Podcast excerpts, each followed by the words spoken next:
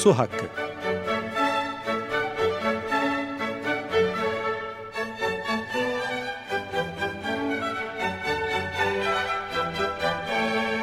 Kar için değil, yaşam için su.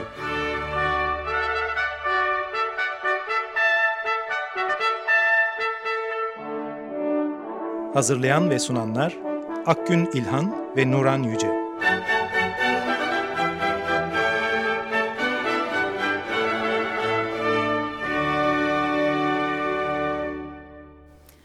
Merhaba, Su Hakkı'na hoş geldiniz. Ben Akgün İlhan. Ben Nuran Yüce. Evet, geçtiğimiz hafta e, su hakkında IPCC raporundan bahsetmiştik. 31 Mart 2014 tarihinde yayınlandı. IPCC Hükümetler Arası İklim Değişikliği Paneli anlamına geliyor. Ee, bu haftada işte Türkiye'den örneklerle ele alacağız bu raporu aslında. Bu rapordan yola çıkarak Türkiye'deki örneklere bakacağız.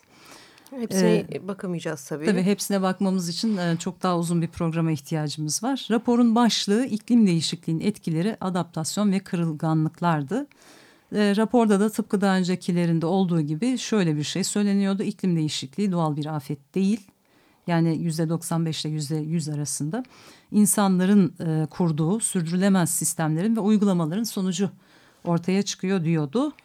Yine e, geçtiğimiz cuma günü iklim ağının e, yani IPCC'nin baş yazarlarından Profesör Doktor John Morton e, Türkiye'deydi, İstanbul'daydı. Raporu yorumlamak için konuk oldu. Toplantıya yine IPCC raporu yazarlarından doçent doktor Barış Karapınar da katıldı. Evet. Ve evet Şimdi e, bir hatırlatmayla tekrar başlayalım. E, bu IPCC'nin raporu beşinci rapor. Şimdiye Hı -hı. kadar hazırlanan e, beşinci rapor. Beşinci raporun ilk bölümü birinci bölüm denilen e, Eylül ayında yayınlanmıştı. Geçtiğimiz Eylül ayında. Onda e, işte bu iklim değişikliğinin e, hangi alanlarda görüldüğünü anlatıyordu. İşte deniz seviyelerinin yükselmesi, sıcaklık artışları, asitlenme oranları denizde e, bunları anlatıyordu. Az önce Akgün'ün söylediği gibi bütün bu değişimin nedeni de yüzde 95 ile yüzde 100 arasında insani faaliyetlerden kaynaklı. İnsani hmm. faaliyetleri de e, atmosferdeki karbon e, dioksit gazlarının, sera gazlarının e, artışı ve... E, Atmosferin ısınması. Evet. Aynı zamanda arazi kullanım yapısındaki değişiklik olarak ifade ediyordu. Bu Hı -hı. ikinci bölüm ise yani Mart'ta yayınlanan e, bölüm ise işte bütün bu değişikliklerin gündelik yaşam içerisinde e, neleri e, doğuracağını e, daha bir somutlar halde. Cuma günü de işte bunun Türkiye ayağını e, biraz daha fazla ifade eden e, Boğaziçi'nde bir toplantı hı hı. yapıldı. Evet. E, o toplantıya katılan e, doçent doktor Barış Karapınar'ın örneğin verilerini biz hı hı. burada biraz e, dile getirmeye çalışalım. Evet iklim değişikliğine en az katkısı olan yoksul kesimler en fazla iklim değişikliğinden e, şey yapacaklar, etkilenecekler diyor.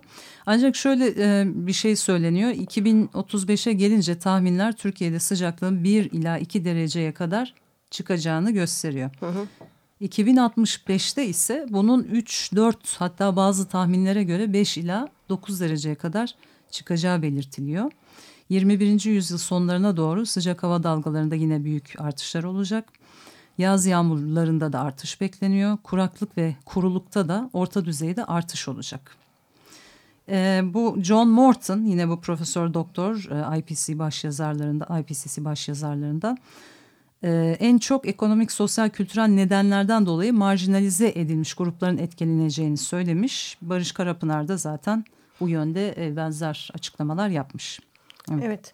Aslında e, bu çok doğal bir şey. E, zaten hani bu kırılgan e, kesimler ve bölgeler dediğimiz e, tanımlamaya tabi tuttuğumuz yerler e, evet zaten hayatta çok e, Hı güç bir biçimde hayatta kalmaya çalışıyorlar. E, hayat şartlarının daha kötüleşmesi yani bu işte sıcaklık artışları, seller, kuraklık gibi et, e, değişimlerden en fazla etkilenecek olan kesimler tabii ki bunlar. Hı Örneğin Suriye'deki kuraklık Suriye halkını çok daha fazla etkileyecek. Çünkü zaten o an dışı bir durumda Hı yaşar haldeler. Bir savaş ortamı içerisindeler. E, bu durumda bir de gıda güvenliği, susuzluk Hı gibi sorunları yaşamaya başladıkları için onlar e, açısından hayat çok daha zor olacak. Evet. Şimdi tabii Türkiye'ye geçecek olursak e, Türkiye'nin de tıpkı diğer ülkeler gibi iklim değişikliğine katkıda bulunan diğer ülkeler gibi bir takım önlemleri bir an önce alması lazım. Yani iklim değişikliğine adapte olması gerekiyor. Ancak e, Türkiye'de böyle bir şey yok. 1990'dan e, 2012'ye kadar sera gazı emisyonu yüzde 133 e, artmış. Bunu pek çok programda dile getiriyoruz. Bunun yüzde yedisini enerji sektörü oluşuyor. Ee, hani bunu azaltmak gerekiyor ama Türkiye bunun yerine e, 80 tane kömür santrali daha yapmak istiyor. Bütün kıta Avrupa'sından daha fazla miktarda kömür santrali yapmayı planlıyor. Evet, evet. E, şimdi bu e, IPCC raporu önümüzde e, işte geçen hafta Boğaz içinde yapılan toplantıda işte e, konuyla ilgili araştırmalar yapan e, bilim insanlarının Türkiye'ye yönelik Hı. uyarıları var. Tekrar hatırlatalım Türkiye'ye yönelik e, olası e, gelişmeleri 2035'e kadar Türkiye'de sıcaklığın bir ya da iki derece artacağını ifade ediyorlar. Hı. E, kuraklığın e, ve kurulukta orta düzeyde bir artış olacak diyorlar. Yaz yağmurlarında artış bekleniyor ki bu örneğin e, başka bir e, sorunlu alan. Sıcak hava dalgalarında büyük artışlar olacak deniyor. Hı. Tam da bunun sonrasında işte geçtiğimiz hafta birkaç tane e, haber gözümüze ilişti. E, onları sıralayalım. Hı hı. Örneğin İnegöl'de kuraklık rejimi ilan edildi. Evet. Ee, Bursa'nın İnegöl ilçesinden bahsediyoruz. Çiftçiler burada kuraklıktan muzdarip. Ee, kuraklıktan vatandaşlar ve çiftçiler en az zarar görmek için e, İnegöl Kaymakamlığı ile birlikte bir kuraklık rejimini ilan ettiler. Kuraklık sebebiyle Kurşunlu, Eymir ve Halhalca göletlerindeki su seviyeleri yüzde kırkların altına inmiş. Hı hı e, mahsule göre sulama yapılacağı açıklanmış. Yani bazı mahsullerde daha az sulama yapılacak. E, hani bir çeşit su tasarrufu bu. Aynı zamanda burası bir sanayi yeri de İnegöl. Hem tarım şehri hem de sanayi şehri. Burada 29 bin hektarlık kısımda zirai üretim yapılıyor. Ciddi bir üretim potansiyeli var. Meyvecilik, işte sebzecilik, ayçiçeği, çilek gibi ürünler yetiştiriliyor. Yağmur rejiminde ciddi bir azalma olduğu için de e, bazı ürünleri biraz daha arka plana çekmişler. Evet Hı. yani bunun nedenini iklim değişikliği olarak e, hmm. ifade edebiliriz. Evet. Ee, şimdi iklim değişikliği tabii ki e, beklenmedik e, sonuçlar doğuruyor ve maliyetler ortaya çıkartıyor.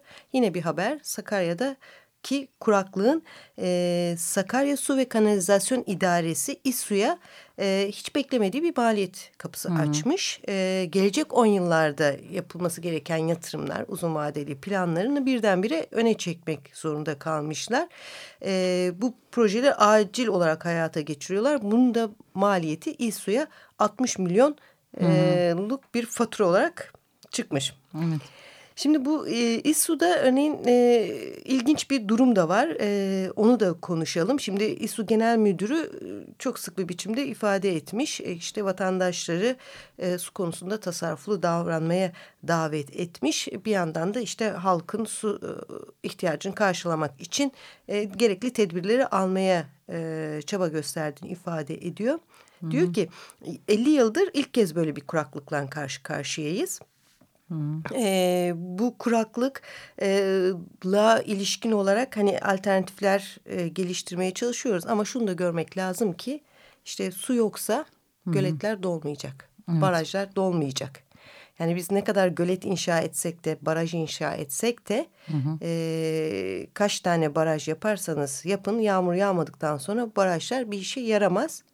Bu anlamıyla şu anda yapılan işte yuvacık, namazgah, e, gibi barajların da işe yaramayacağını ifade etmiş. Bu önemli bence. İSU hı hı. bir genel müdürün böyle ha, bir evet, bunu söylemesi Veysel gerçekliğe ulaşmış olması önemli. E, evet. Sonuçta ellerinden gelen çabayı sarf ettiklerini söylüyorlar ve evet. büyük bütçelerle hı hı. ama iklim değişikliğine yönelik hı hı. adım atılmadığı sürece yani yapılan bütün alınan bütün bu önlemlerin çok işe yaramayacağını söylüyorlar ve hatta şey de demişler Hani artık e, iş başa düşerse kuyu da açacağız. 60 adet kuyu açılacağı söylenmiş. Bunlarla ilgili bunların 20 tanesiyle ilgili çalışmada tamamlanmış. Ama sonuçta yeraltı sularının kullanımı da çok hassas bir konu. Ee, yani yağmur yağmadığı, yağış olmadığı sürece o yeraltı suları yenilenemiyor. Dolayısıyla Hı. gittikçe daha derine iniyorlar. Onu da düşünmek lazım yani. Evet şimdi biz artık öyle bir noktadayız ki Türkiye olarak hidrolojik kuraklığı da aştık. Tarımsal kuraklığın içindeyiz. Pek çok tarımsal üründe verim kaybı yaşanmaya başlandı. Bazı ürünlerde bu kayıp yüzde sekseni geçmiş durumda. Çiftçilerden gelen şikayetler üzerine e, tarım sigortaları havuzu Tarsim harekete geçti ve 400 e, tarım uzmanını sahaya sürmüş. Türkiye'de şu anda kayıtlı çiftçi sayısı Tarsim verilerine göre 3 milyon. Bunun 1 milyonu Tarsim'de ürünlerini sigortalatmış durumda. Yılbaşından bu yana yani 2014 yılının başından bu yana Tarsim'e 73 bin ürün hasar ihbarı gelmiş. Bunun 64 bini ise sadece son e, bir haftada gerçekleşenler. Evet. Evet. Bu da kuraklığın ve aynı zamanda iklim değişikliğinin andaki hmm. yansıması e, diyebiliriz. Geçen yıl tarım ürünleri hasarı için 386 milyon lira ödeme yapmış Tarsim. Hı Son bir hafta içinde gelen 64 bin başvuru için yaklaşık 150 milyonluk bir ödeme öngörüyor. Bu başvuruları evet. değerlendireceklerini ifade ediyorlar. Eğer hepsi uygun görülürse bunun Hı -hı. maliyeti 150 milyon evet. Lira. Evet. Evet şimdi e, tarımsal kuraklıkla ilgili pek çok e, DSE'nin çalışması var. Onlara geçmeden önce bir şarkıyla ara veriyoruz. Jimi Hendrix'ten dinliyoruz One Rainy Wish.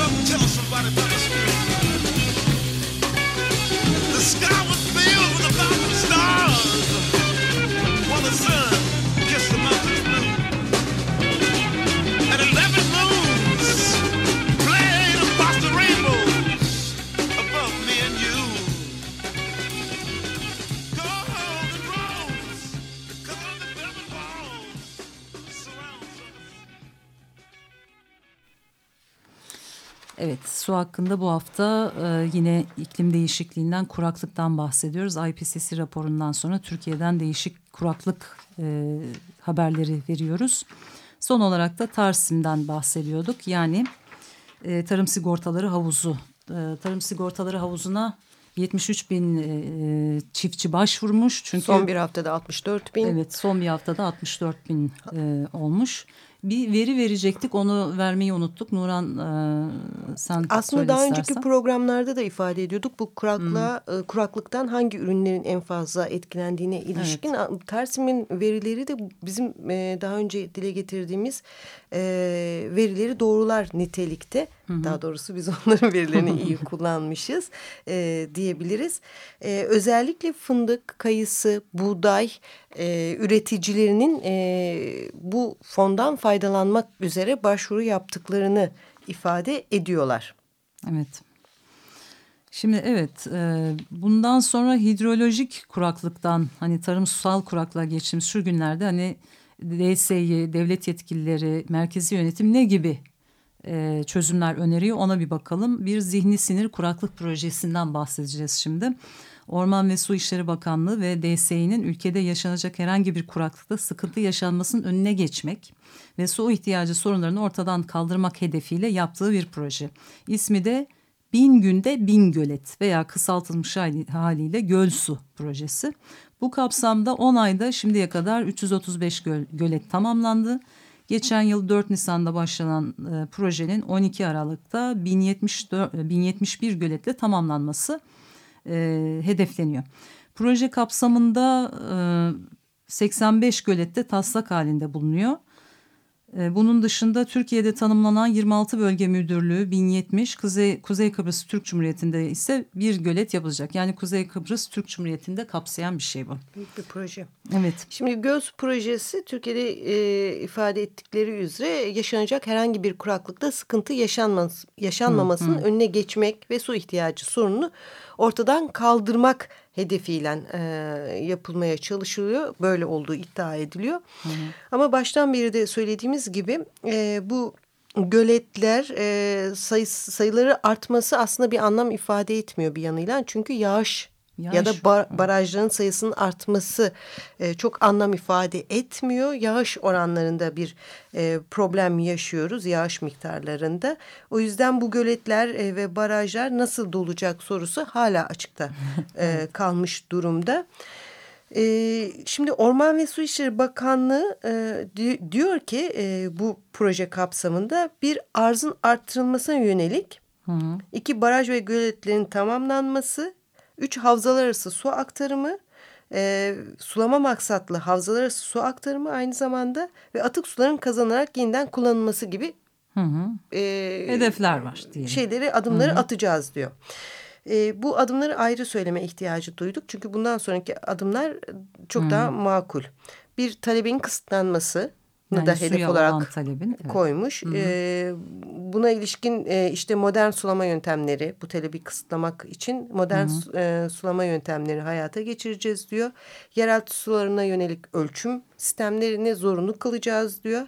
Şehir ve e, sulama şebekelerindeki kayıpların azaltılması için e, adımlar atacağız. Hı hı. Aynı zamanda su e, kaynaklarının korunması çalışmalarını e, dört bir yanda yapacağız.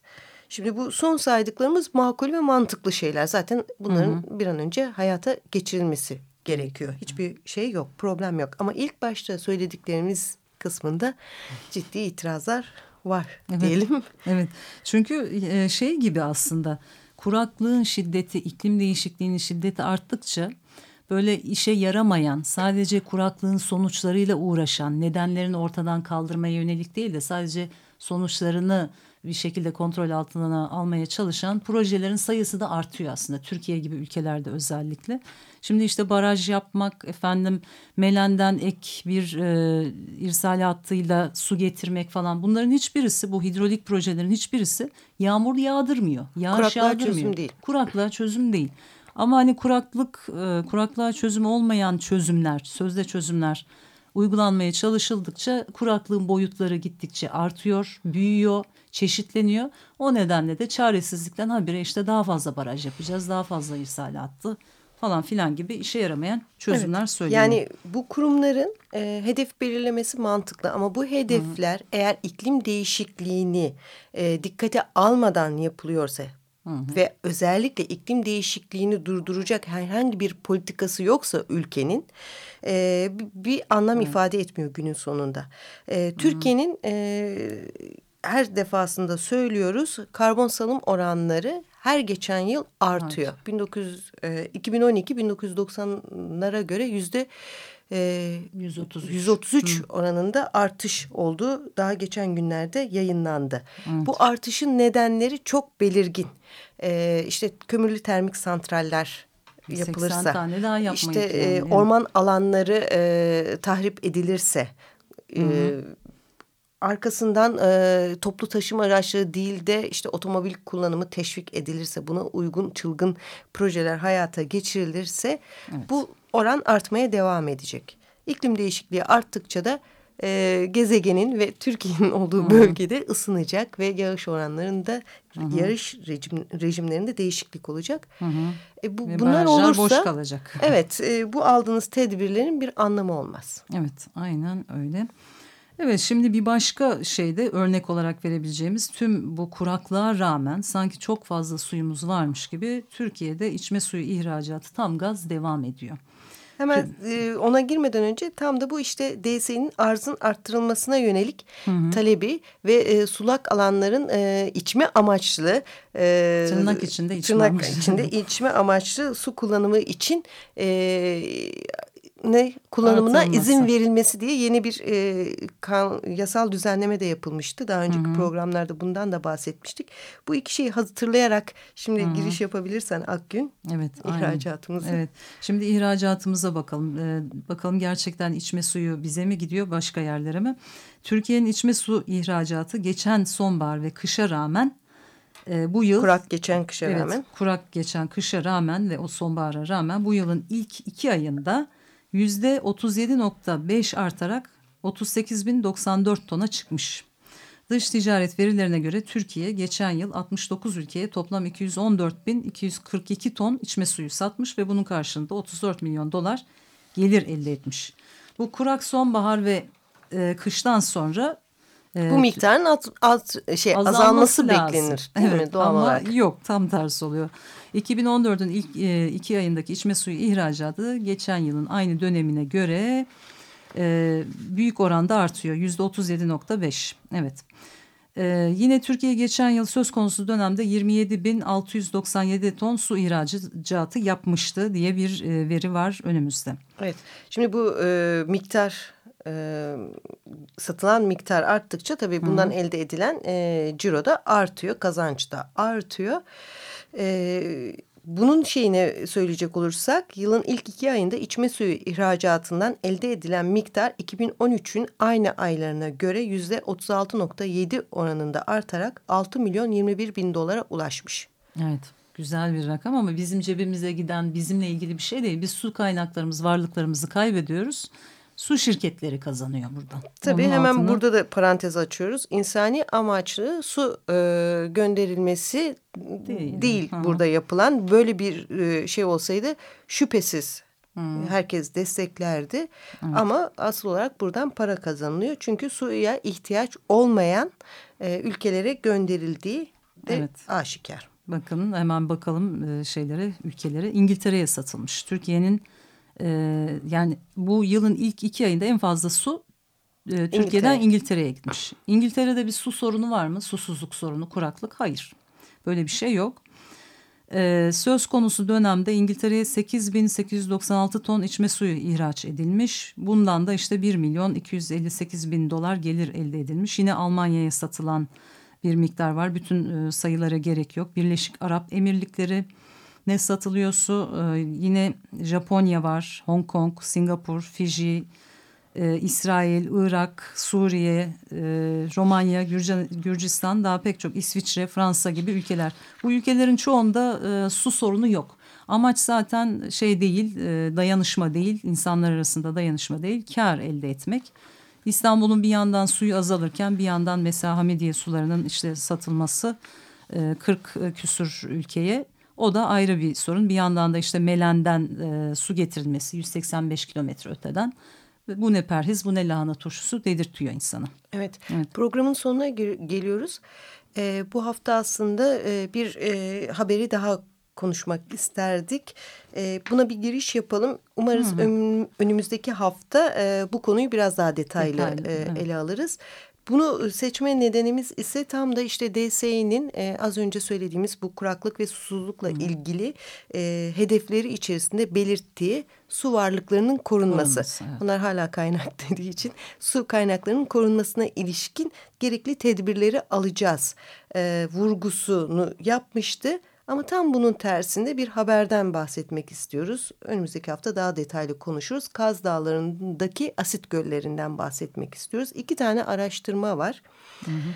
E, bu Kaz Dağları'ndaki işte e, maden işletmelerinin işte küçük ya da büyük maden işletmelerinin faaliyetlerinin sona ermesi sonrasında e, işte insan müdahalesi sonucu doğal yapısı ve e, topografyası bozulan alanlarda çukurlara dolan e, suların e, hem kirlenmesi, kirlenmesi Hı -hı. hem bu suların e, aynı zamanda e, bölgedeki e, içme suyuna, tarımsal sulamalara, e, sulama alanlarına dahil olması ve, ve kirliliğe yol açması meselesi. Bunu da haftaya konuşalım. Evet. evet. Evet su hakkında bu haftalık bu kadar. Gelecek hafta görüşmek üzere. Hoşçakalın. Hoşçakalın. Su hakkı.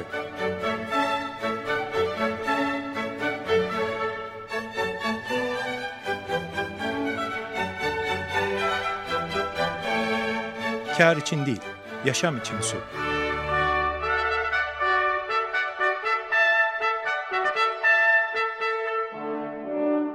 Hazırlayan ve sunanlar Akgün İlhan ve Nuran Yüce.